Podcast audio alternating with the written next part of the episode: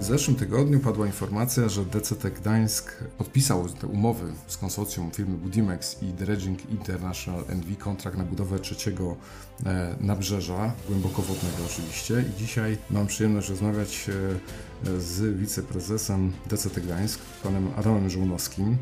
Witam serdecznie na łamach ETFM. Dzień dobry, witam pana, witam państwa.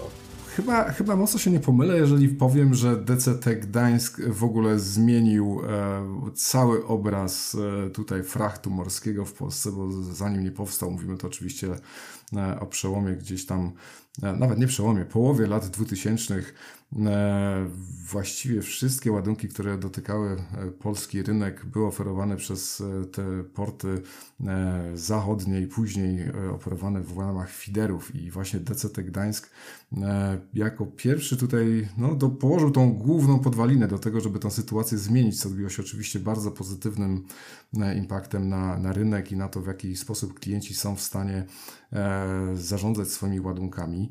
E, no a teraz padła informacja, że DCT będzie się rozbudować. To już jest e, trzecia, można powiedzieć, rozbudowa, no bo mówimy już o T1, który właśnie powstał gdzieś tam w 2007 roku mniej więcej. E, T2 w międzyczasie, teraz T3. Piękna historia w ogóle, tak z perspektywy całokształtu tutaj operacji w Gdańsku. Co było takiego, te, takie w ogóle e, przełomowe, e, jeżeli chodzi o podjęcie tej decyzji na dalszą rozbudowę? Jeżeli mówimy o trzecim terminalu, to takim kluczowym elementem dla nas było zainteresowanie ze strony klientów. E, widzimy, że przeładunki w Gdańsku bardzo dynamicznie rosną. Obsługujemy Bałtyk, e, obsługujemy Polskę. Jesteśmy coraz bardziej aktywni w Czechach, na Słowacji. Obecna sytuacja geopolityczna e, pozwala nam myśleć o tym, żeby szerzej sięgać także na, na rynki takie jak Ukraina. W związku z tym popyt na nasze usługi rośnie, a żebyśmy my mogli odpowiedzieć na potrzeby klientów i przeładowywać więcej ładunków, musimy mieć do tego odpowiednią infrastrukturę. Ta infrastruktura w Polsce nie istnieje, w związku z tym my musimy ją wybudować. W przypadku portów ta infrastruktura polega na tym, że albo buduje się nabrzeże na istniejącym kawałku lądu, tak jak zrobiliśmy w przypadku terminala drugiego, albo musimy powiększyć terytorium Polski, e, tak jak zrobiliśmy to w przypadku terminala pierwszego i tak jak będziemy robili to w przypadku terminala trzeciego. E, mówiąc o szczegółach, e, terminal trzeci będzie terminalem głębokowodnym, co oznacza, że przy Kei, przy nabrzeżu będzie głębokość 17,5 metra. Powierzchnia tego terminala będzie równa 36,5 hektara, a e, długość nabrzeża e, będzie e, wynosiła 717 metrów, co pozwoli największym statkom oceanicznym pływającym na świecie dzisiaj i pewnie w przyszłości zawijać w sposób bezpieczny i efektywny właśnie do portu w Gdańsku. Nawet moją uwagę zwróciło tutaj, że, że ten terminal 3 to tak naprawdę jest, można powiedzieć, e, przyklejony do tego terminala pierwszego, czyli rozbudowa bardziej w morze.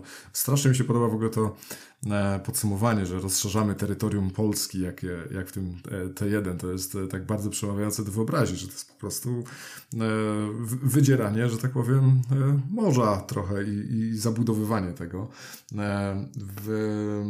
Ciekawi mnie termin realizacji tego, bo on jest stosunkowo tak krótki, bym powiedział. Jak patrzymy na niektóre inwestycje na świecie, to tam całkiem długo czasu, dużo czasu one zajmują, a ten termin tu wydaje się e, już za chwilę.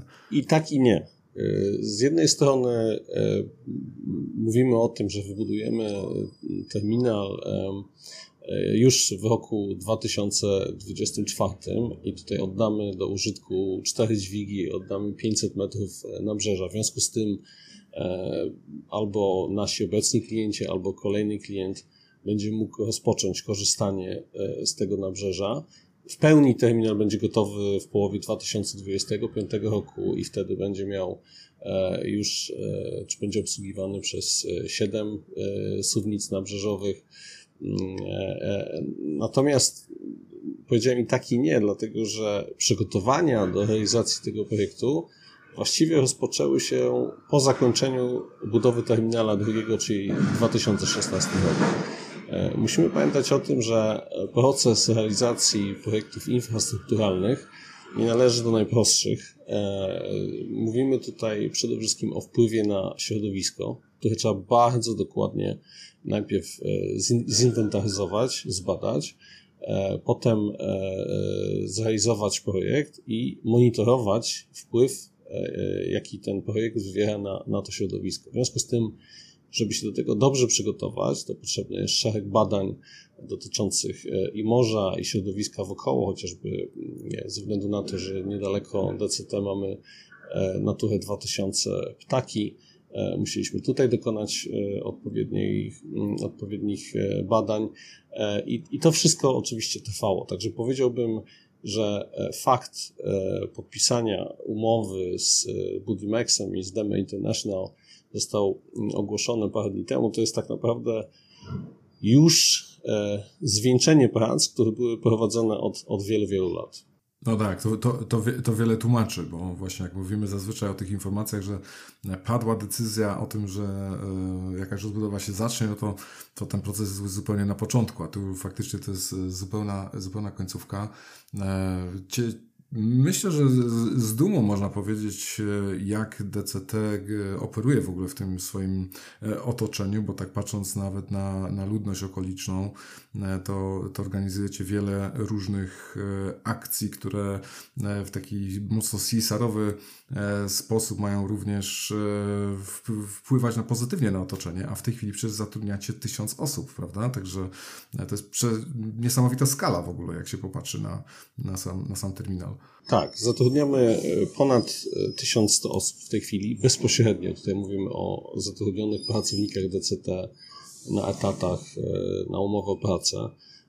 DCT jako podmiot, który no, działa 24 godziny na dobę, 7 dni w tygodniu, oczywiście ma szereg innych potrzeb, które generują w cudzysłowie ruch gospodarczy na terenie tego miasta i dalej. E, tutaj mówimy chociażby o mm, serwisach różnego rodzaju, z, którego, z których my korzystamy, inżynierskich. Mamy bardzo dużo samochodów, bardzo dużo ciężarowych, mamy bardzo dużo e, dźwigów, mamy wewnętrzne potrzeby związane z utrzymaniem infrastruktury, mm, z prowadzeniem badań.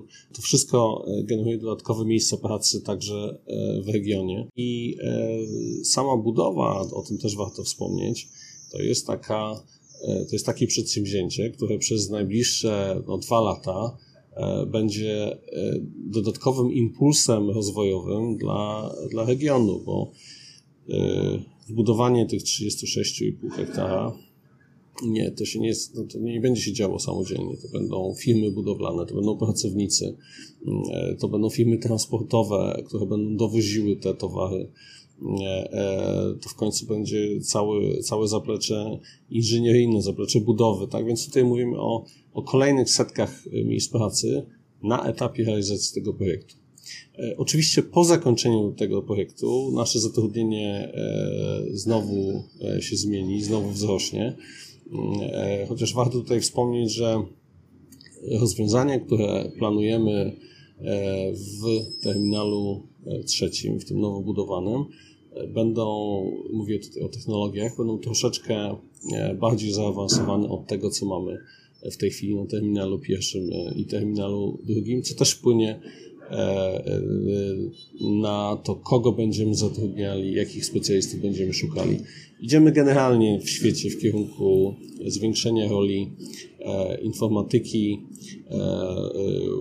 automatyzacji części procesów po to, żeby zwiększyć bezpieczeństwo pracy i DCT się wpisuje właśnie w te, w te schematy. Także dzisiaj zatrudniamy ponad 1100 osób, będziemy zatrudniali jeszcze więcej, a swoim, swoją, swoimi operacjami, generujemy będziemy generowali dodatkowe potrzeby popytowe dla firm i poddostawców. Mhm.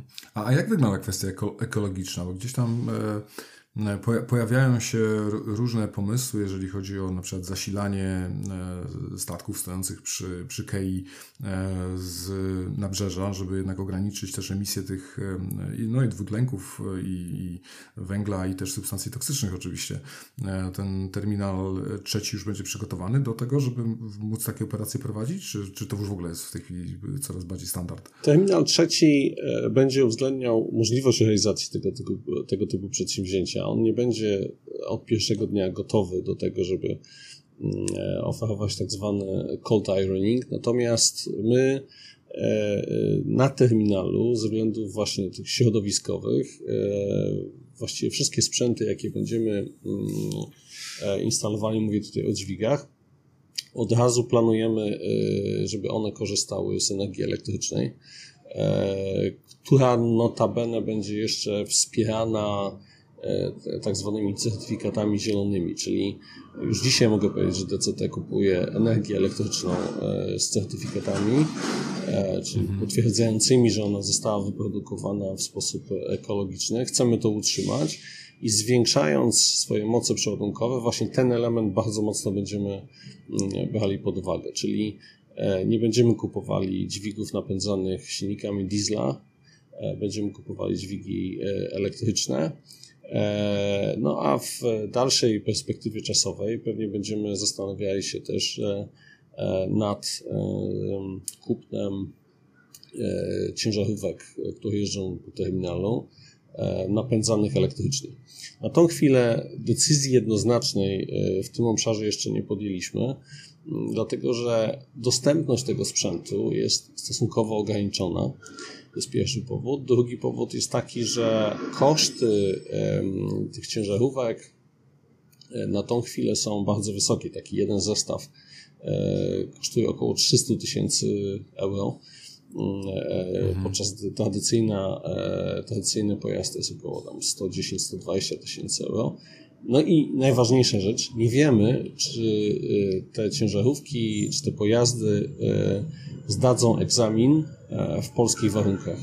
E, one są do tej pory testowane w troszeczkę innych strefach klimatycznych mm, i e, przed poważnymi testami, do których się przygotowujemy tej zimy, spodziewamy się, że w ramach grupy zostaną nam takie pojazdy udostępnione do testów, e, będziemy mogli dopiero po tych testach stwierdzić, że te ciężarówki czy te pojazdy wewnętrzne nadają się do e, pracy e, w Polsce na, na DCT.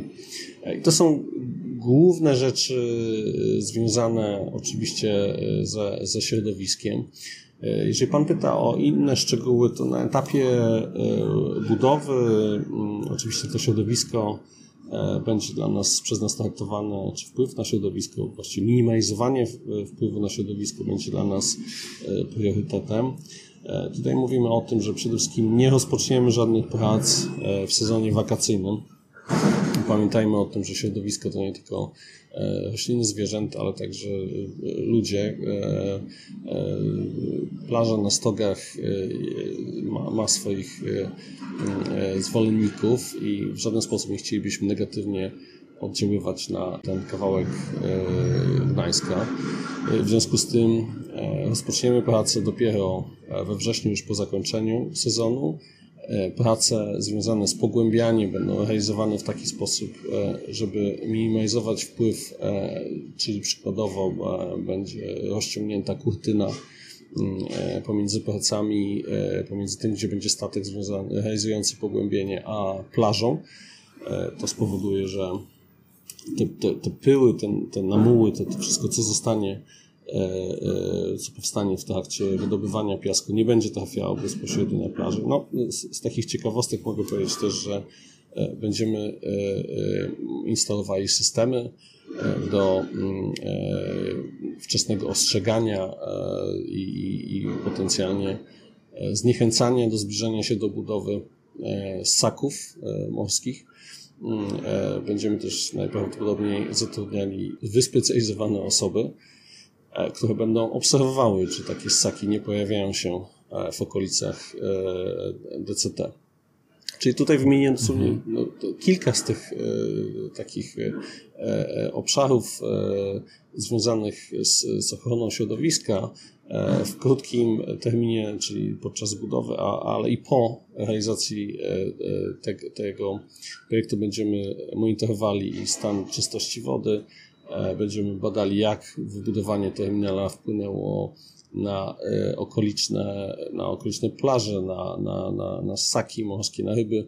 Mm, e, także to jest przedsięwzięcie na wiele, wiele lat, już po zakończeniu projektu budowlanego. No, no pla, plaże na stogach to, to przekształci się w takie e, miejsce idealne do, dla wesel spoterów, żeby zdjęcia robić, no bo jak zaczną jednostki cumować właściwie no, nie powiem, że przed całą, nie? ale no tak w, odle w odległości takiej, że ze spokojem będzie można się bliżej przejrzy przyjrzeć tym jednostkom, które w tej chwili są jednak po drugiej stronie kei, ich tak bezpośrednio nie widać. No ważne jest, żeby powiedzieć, że my nie, nie będziemy wchodzili e, infrastrukturą na plażę, na stogach. Ona będzie oddalona od, e, od, od plaży. E, natomiast tak, no, z, do tej pory osoby, które często przyjeżdżają do Gdańska i, i chcą zobaczyć, jak wygląda DCT, e, to e, podchodzą do granicy portu, mm, tej oznaczonej granicy portu, e, starając się zajrzeć, jak wyglądają operacje DCT. Po wybudowaniu terminala trzeciego statki będą lepiej widoczne, także potencjalnie dla wielbicieli gospodarki morskiej będzie łatwiej, łatwiejszy dostęp do tego, żeby, żeby te statki zobaczyć. Natomiast sam wpływ e, e, na plaży będzie zminimalizowany. Tutaj wracam także do tych spraw ekologicznych. Natężenie dźwięku sprzętów pracujących na terminalu. Mm, to wszystko będzie kontrolowane, tak żeby ten wpływ był jak najmniejszy. Mhm. I, i, I całość tutaj rozbudowy będzie realizowana od strony wody, rozumiem, w sensie nie wpływu na aktualnie działający T1, który, z którym to będzie tak naprawdę graniczyć E, nie, nie, spodziewacie się, że tak powiem, dodatkowych wyzwań związanych z operacjami na terminalu pierwszym? Tak. E, gdybyśmy spojrzeli na e, DCT dzisiaj z lotu ptaka, to no, można powiedzieć, że DCT ma kształt odwrócony litery L. I terminal trzeci będzie wybudowany na tym pionowym odcinku litery L i będzie skierowany w stronę e, wschodnią. E, oznacza to, że on w jakimś sensie będzie e, wydłużeniem terminala pierwszego, natomiast nie będzie, całe, wszystkie prace są tak planowane, żeby nie powodował żadnego ograniczenia zdolności przeładunkowych na terminalu pierwszym. Czyli będziemy pracowali w okolicach terminala pierwszego, ale e, negatywne efekty te trójki trzeciego terminala na terminal pierwszy nie powinny być widoczne. Mhm. Tu, tutaj pra, prace przygotowawcze do, do, do, rozbudowy już powstały e, oczywiście dłuższy czas temu, tak jak zostało wspomniane już wcześniej, ale e, jak wy się zapatrujecie na, e, że tak powiem, obecną sytuację w portach e, na Morzu Północnym, czyli duże kongestie, no, aktualnie nawet gdzieś tam widmo, czy też, e, czy też strajki ostrzegawcze, jak, jak to wpływa e, na, na wasze, że tak powiem, działania i postrzeganie tego potencjału też dla T3 i być może dalszych, dalszej rozbudowy DCT? No, sytuacja w portach Morza Północnego na tą chwilę nie tylko, zresztą w Stanach Zjednoczonych e, nie jest, nie jest najlepsza. E, mówimy tutaj o olbrzymim zatłoczeniu. E, statki nie są w stanie pływać efektywnie. Czyli co, co to znaczy, gdybyśmy mieli to porównać do chociażby ruchu pociągów. Jeżeli, jeżeli na dworcu pojawiają się pociągi w takich interwałach powiedzmy 10-minutowych i kilka pociągów się nie pojawi, to Państwo wiecie, co się dzieje. E, nagle robi się tłum e, na, na, na platformie, ciężko jest się, jest się przemieszczać. I do, do tego samego zjawiska doszło de facto w portach. Było spowolnienie związane z operacjami. Te statki, które przychodziły do portów, nie mogły do portu wejść, w związku z tym tych towarów się tam gromadziło bardzo dużo. Statki czekały na swoją kolej. E, nie mogły tych towarów wywieźć, no i e, to wszystko e, skutkowało tym, że ceny rosły, jakość usług spadała, nawet ja się śmieję tutaj czasami, że w ostatnim roku jeśli chodzi o, o przeładunki drogą morską, to mieliśmy najwyższe ceny w historii za najgorszą jakość tak naprawdę w historii. Tak, tak e, wygląda rzeczywistość. Tak. Natomiast no, wydaje nam się, że nie, w tej chwili ta sytuacja ulega e, zmianie e, na lepsze. E, widać to także po cenach e, fraktu. E, ceny fraktu z takich historycznych, wysokich poziomów, powiedzmy 17 tysięcy dolarów za, za, za pudło, w tej chwili oscylują w granicach, oczywiście zależy od relacji, ale 8-9 tysięcy dolarów. Firmy, które linie oceaniczne, które, które spodziewały się, że w pewnym momencie ta sytuacja się ustabilizuje, e, starały się w ostatnim czasie podpisywać kontrakty średnioterminowe mm, z określoną stawką. E, to było widać e, chociażby na rynku amerykańskim, gdzie pomimo tego, że ceny frachtu były na poziomie tych kilkunastu tysięcy dolarów, linie oceaniczne proponowały mm, swoim kontrahentom kontrakty średnioterminowe za połowę tego, albo za troszeczkę więcej niż połowę, właśnie po to, żeby ten rynek ustabilizować y, korzystnie ze swojej perspektywy na, na najbliższe lata. I to się chyba y, linią udało zrobić. I e, e, to, jest pierwszy, to był pierwszy taki, taki sygnał do tego, że e, ta sytuacja całkowicie nowa i niekorzystna dla eksporterów i importerów zaczyna mijać. Drugim sygnałem, który wskazuje na to, że sytuacja na rynku będzie się zmieniała korzystnie, jest tak zwany order book, czyli e, zlecenia na budowę e, nowych statków. Tutaj mówimy o takiej ilości statków, jaka praktycznie porównywalnej do tego, co się działo przed e, kryzysem, globalnym kryzysem finansowym w 2008-2009 roku. Tych statków buduje się bardzo, bardzo dużo. W związku z tym możemy założyć, że te statki wchodząc do służby w ciągu najbliższych powiedzmy dwóch, trzech lat także e, e, spowodują rozluźnienie tej, tej napiętej sytuacji, w związku z tym no, ceny nie powinny rosnąć, raczej powinny się stabilizować bądź, bądź lekko spadać. I teraz jak na tym tle kształtuje się DCT? DCT naszym największym wyzwaniem na tę chwilę jest brak nabrzeża głębokowodnego, kolejnego nabrzeża głębokowodnego. E, nasze nabrzeże, które zostało wybudowane właśnie z myślą o tych największych statkach pływających na świecie, jest praktycznie wykorzystywane w 90% non-stop.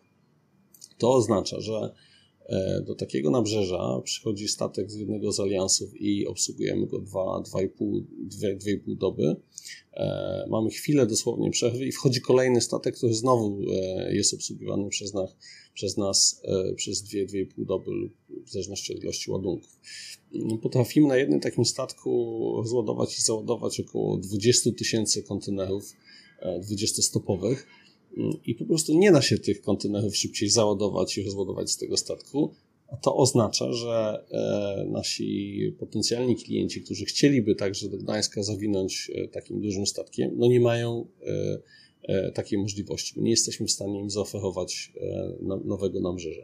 Stąd decyzja właśnie o budowie trzeciego nabrzeża, po to, żeby taki duży statek, kolejny duży statek mógł e, do Gdańska zawijać. No i teraz idąc tym tropem, jeżeli będziemy mieli kolejne duże zawinięcie, w sensie kolejne zawinięcie dużego statku z, dużą, z dużym wolumenem, to się pojawi przestrzeń do tego, żeby i mniejsze statki E, e, się e, w Gdańsku pojawiało. I w ten sposób ta nasza idea budowy hubu w Gdańsku będzie, będzie się materializowała.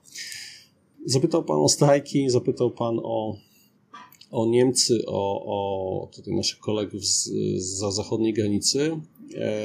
Te, te, te kongestie, te, te, to zatłoczenie doprowadziło do tego, że mamy do czynienia zupełnie z nowymi zachowaniami, nowymi Mm, być może trendami.